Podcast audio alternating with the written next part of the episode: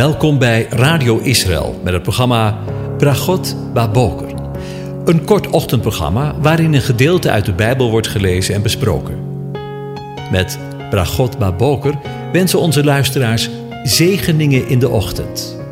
Presentator is Kees van de Vlist. Goedemorgen, Bokatov, beste luisteraars. Ook vanmorgen denken we verder na dat voor de dertiende keer over Psalm 133. En ik lees de hele psalm aan je voor. Een pelgrimslied van David. Zie, hoe goed en hoe lieflijk is het dat broeders ook eensgezind samenwonen.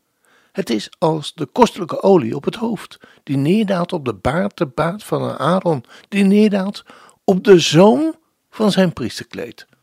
Het is als de dauw van de Hermon, die neerdaalt op de bergen van Sion. Want daar gebiedt de aanwezige de zegen en het leven tot in eeuwigheid. Tot zover over de hoge priester gesproken. Het woord voor zalven is Mashiach, waar het Hebreeuwse woord Messiach, Messias, gezalfde, van is afgeleid. Een koning en priester werd dus tot het ambt gezalfd, waarmee hij een gezalfde, een Messias werd. De Bijbel laat vaak zien dat het beeld en profetie hun vervulling vinden in de Heer Jezus, Yeshua. Dat is ook het geval in het begin van zijn openbare bediening. Dat begin vond plaats bij Johannes de Doper. Deze doopte een doop van bekering. We lezen dat in Matthäus 3, vers 11. Toen kwam Jezus van Galilea naar de Jordaan, naar Johannes, om van hem gedoopt te worden. De reactie van Johannes is begrijpelijk. Maar Johannes wilde hem hiervan weerhouden en zei: Ik heb het nodig om van u gedoopt te worden en u komt op mij? Waarop de Heer antwoordt: Laat het nu gebeuren, want op deze wijze past ons alle gerechtigheid te vervullen. Toen liet hij hem toe, lezen we dan in vers 15. Toen de Heer op aarde was, was de wet van de Heer in zijn binnenste. Psalm 40, die spreekt daarvan. We mogen aannemen dat de Heer ook hier met het vervullen van de gerechtigheid verwees naar de gerechtigheid van de wet. Daarom kan de doop van de Heer Jezus niet vergeleken worden met de doop die gelovigen ondergaan. Zoals we al eerder zagen, moesten de priesters voor hun zalving een wassing ondergaan. Lees daarvan in Leviticus 8. Hier zien we dat de Heer hetzelfde onderging. En wel voor de geest Gods als een duif op hem neerdaalde, als vervulling van de zalving in het Eerste Testament. Vergelijk hoe de geest van de Heer vaardig werd over David na zijn zalving. U leest daarvan in 1 Samuel 16, vers 13. Aan het einde van zijn bediening op aarde onderging de Heer opnieuw een doop. Lees daarvan in Lucas 12, vers 50. De doop in de dood. Maar met zijn opstanding bewees hij zijn zalving. Hij bewees dat hij de Christus, de Messias, de Zoon van God is. Psalm 110, vers 1 voorzegt dat er veertig dagen na zijn opstanding gebeurde, zijn hemelvaart, het einde van zijn aanwezigheid op aarde. Hij is nu boven, in zijn positie als koning en hoge priester. Op de verzoendag ging de hoge priester het heilige der heiligen binnen. Naast Leviticus 23 gaat het ook in Leviticus 16 over deze speciale dag. We lezen daar dat de priester eenmaal, op de tiende van de zevende maand, deze allerheiligste ruimte in het heiligdom mocht binnengaan.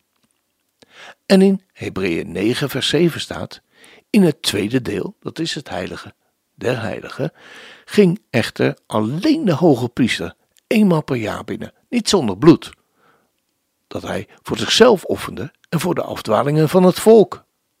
En in vers 24 lezen we, want Christus is binnengegaan in de hemel zelf, om nu voor het aangezicht van God te verschijnen voor ons.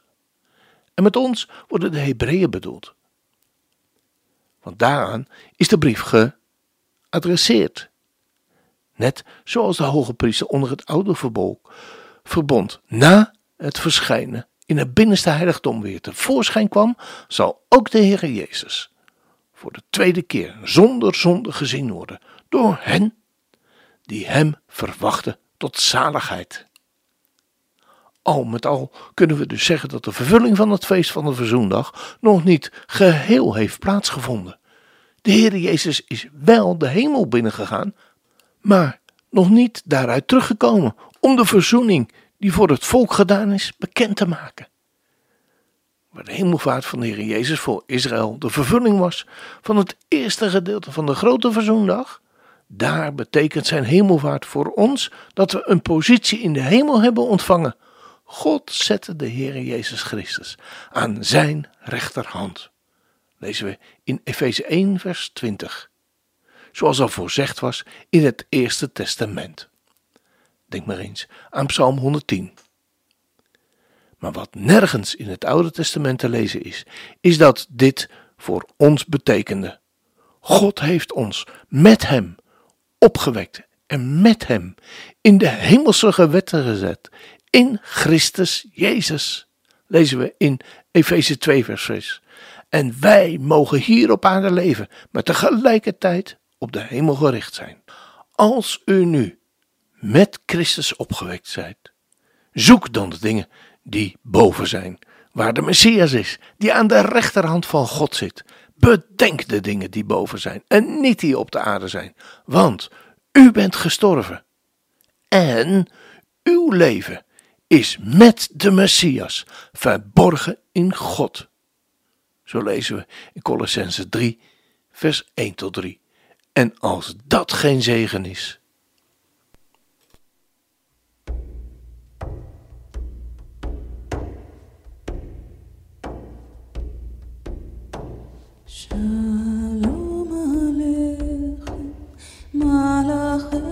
shadow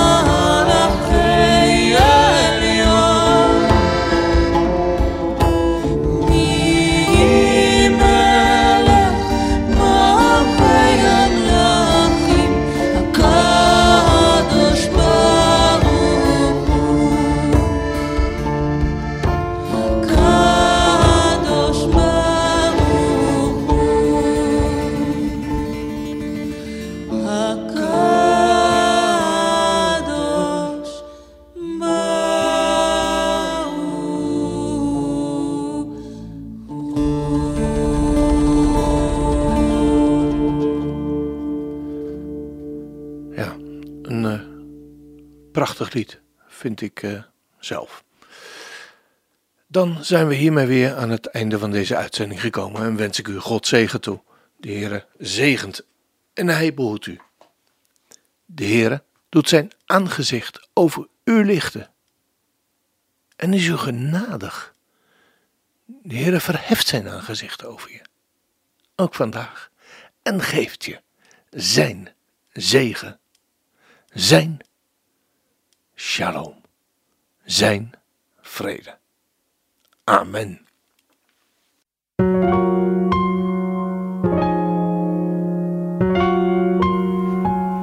U hebt geluisterd naar het programma Bragot Baboker. Een kort ochtendprogramma waarin een gedeelte uit de Bijbel wordt gelezen en besproken. Wilt u het programma nog eens naluisteren, dan kan dat. Ga naar radioisrael.nl en klik onder het kopje radio op Uitzending gemist.